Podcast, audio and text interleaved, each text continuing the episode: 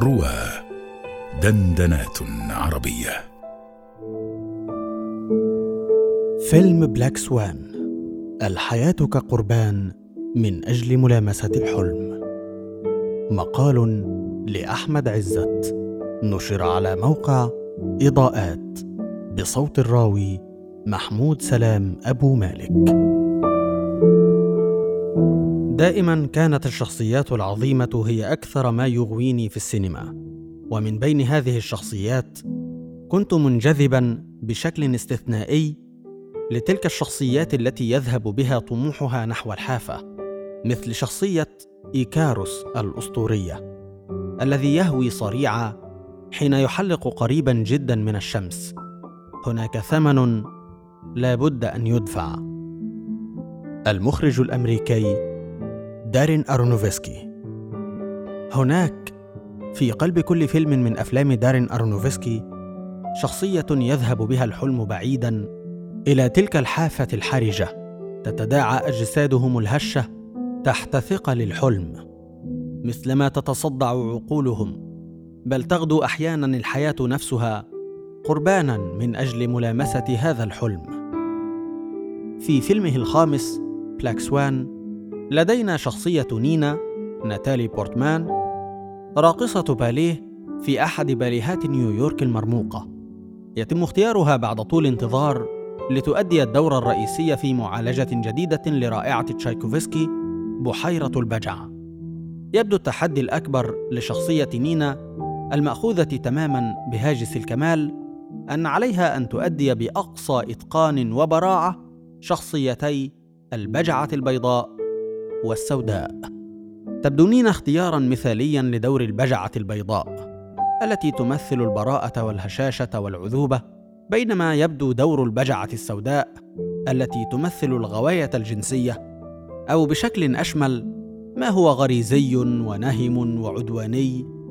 يبدو هذا الدور عصي المنال بالنسبة إليها هي المعلقة في زمن الطفولة ولم تختبر أبدا مثل هذه المشاعر. يفتتح أرونوفسكي فيلمه بحلم لنينا مستوحى من باليه بحيرة البجع حيث ترقص نينا وحدها في دور البجعة البيضاء في دائرة من الضوء وعلى خلفية موسيقى حالمة.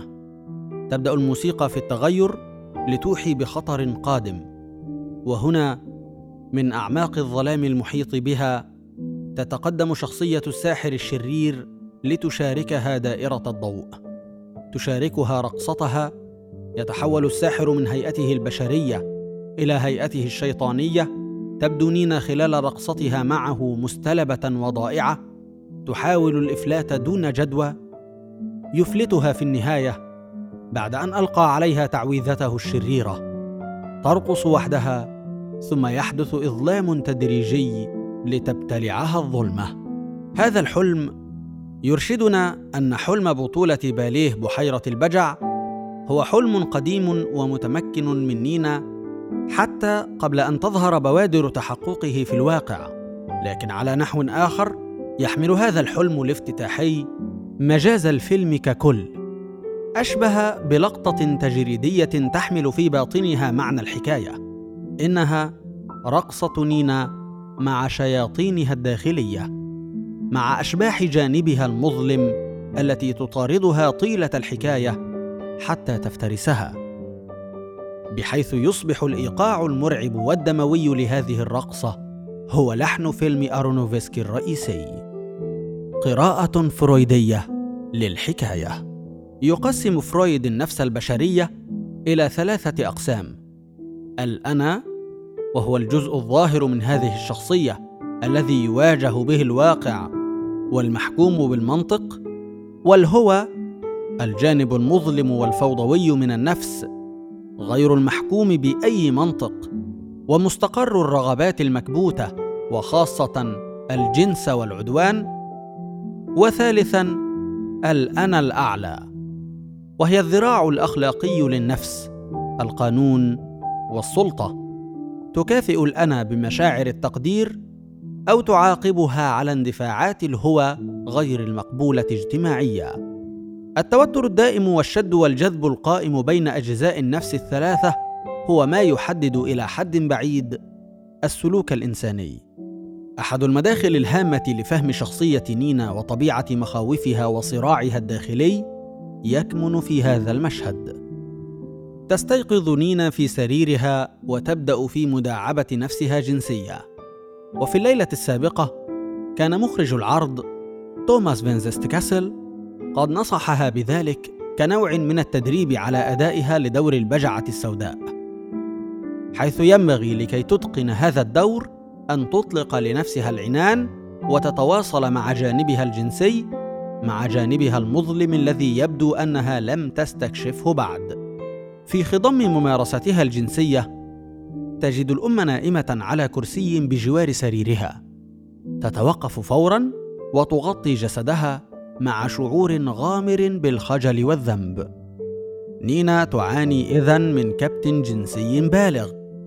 نتيجة هذه العلاقة الاستحواذية والمتسلطة من الأم التي تمثل الانا العليا. تحاول الأم أن تبقي ابنتها في طور الطفولة ولا تسمح لجانبها البالغ بالظهور. انتفاضات الهوى المكبوت تأتي على هيئة خدوش قهرية تحدثها نينا في جسدها بأظافرها فتقوم الأم بتقليم أظافر طفلتها أو تلبسها جوربين في يديها أثناء النوم لكي لا تخدش جسدها. غرفة نينا تعبر عن تثبيتها الطفولي بألوانها بفراشات الحائط ودمى الطفولة الممتدة. الأم تعزز ذلك في كل سلوكياتها تجاه نينا. تساعدها في لبس ثيابها ونزعها وكأنها عاجزة عن أن تفعل ذلك وحدها. لنفهم أكثر طبيعة العلاقة بين الأم ونينا علينا أن نشير إلى حكاية الأم التي ترى أنها ضحت بمهنتها كراقصة باليه محترفة من أجل ابنتها. فلولا حملها ما تخلت عن مهنتها. ما يحمل نينا بإحساس طاغ بالذنب.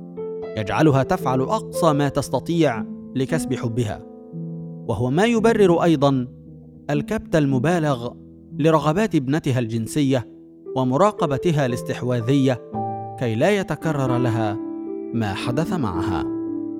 عدوانية نينا التي تظهر تجاه الأم يمكن فهمها باعتبارها انتفاضة الهوى المكبوت تجاه من يكبته. الانا الأعلى. لكن هناك عدوان معاكس من الأم تجاه الابنة.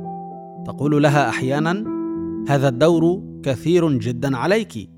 أو تحاول أن تمنعها من الذهاب للمعرض الرئيسي لأنها تعتقد أنها لن تستطيع القيام بأداء هذا الدور.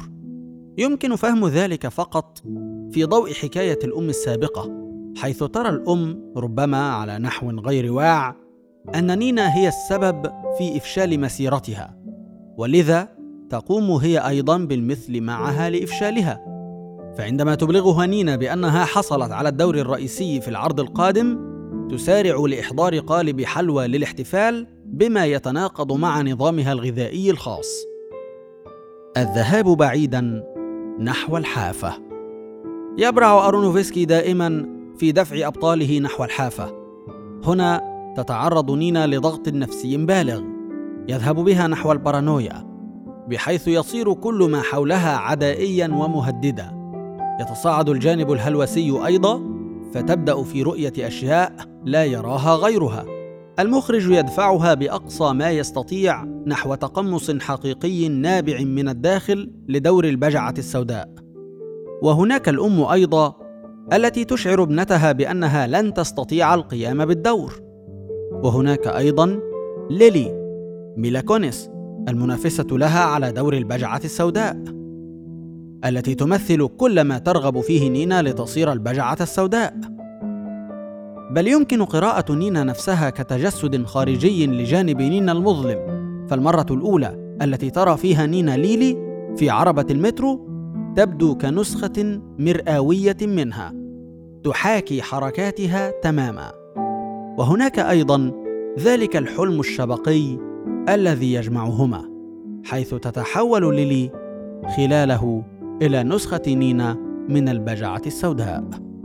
هناك أيضا بيث وينونا رايدر بطلة الفرقة السابقة ومثال الكمال الذي تسعى إليه نينا والتي تحاول الانتحار بعد إعلان اعتزالها. تذهب إليها في غرفة المستشفى لتجدها هناك وحيدة ومهجورة وبلا مجد. بجسد مليء بالجراح. تزداد عدوانية الجانب المظلم مع تزايد الضغط المستمر على نينا من كل اتجاه.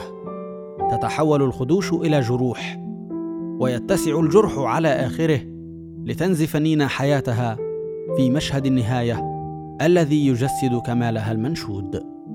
يلتزم أرنوفسكي كعادته بالسرد المقيد بالشخصية الرئيسية بحيث يصبح كل ما نرى هنا على الشاشة أو نستمع إليه عبر شريط الصوت هو ما تراه وتسمعه نينا وهو ما يخلق تجربة معايشة وتوحد استثنائية مع الشخصية الرئيسية.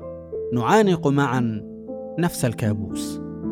رغم جودة النص الفيلمي فإنه ليس فيلم حبكة أو حوار بل ما يصنع بريقه الخاص هو أداء أرونوفسكي الإخراجي. يستخدم كاميرا محمولة باليد تعكس توتر الشخصية وقلقها المتصاعد. مع تكوينات تتراوح بين اللقطات القريبة الخانقة التي تعكس ألم الشخصية وتمزقها الداخلي ولقطات بعيدة تعبر عن عزلة الشخصية وضياعها. يعتمد بكثافة على المرايا كموتيفة بصرية متكررة. يحاصر بطلته بالمرايا في كل مكان فالمرايا تعكس داخلها المضطرب. ظلال خوفها وارتيابها المتفاقم. تظهر المرايا ازدواجها وتعددها كتعبير عن انقسام الذات على نفسها. رغم قتامة النهاية فإن أرنوفسكي لا ينهي فيلمه بشاشة سوداء بل بالاقتراب من أضواء المسرح لتغرق الشاشة في ضوء أبيض باهر بينما يعلو على شريط الصوت هتاف المشاهدين المنبهرين بأداء نينا الاستثنائي. فالنهاية حسب وجهة نظره الذاتية التي يعتمدها المخرج ليست موتا بل عناق نينا لحلمها المنشود. الفيلم أيضا في أحد معانيه هو رحلة نينا نحو النضج والاكتمال رغم رعب الرحلة ومرارة التجربة.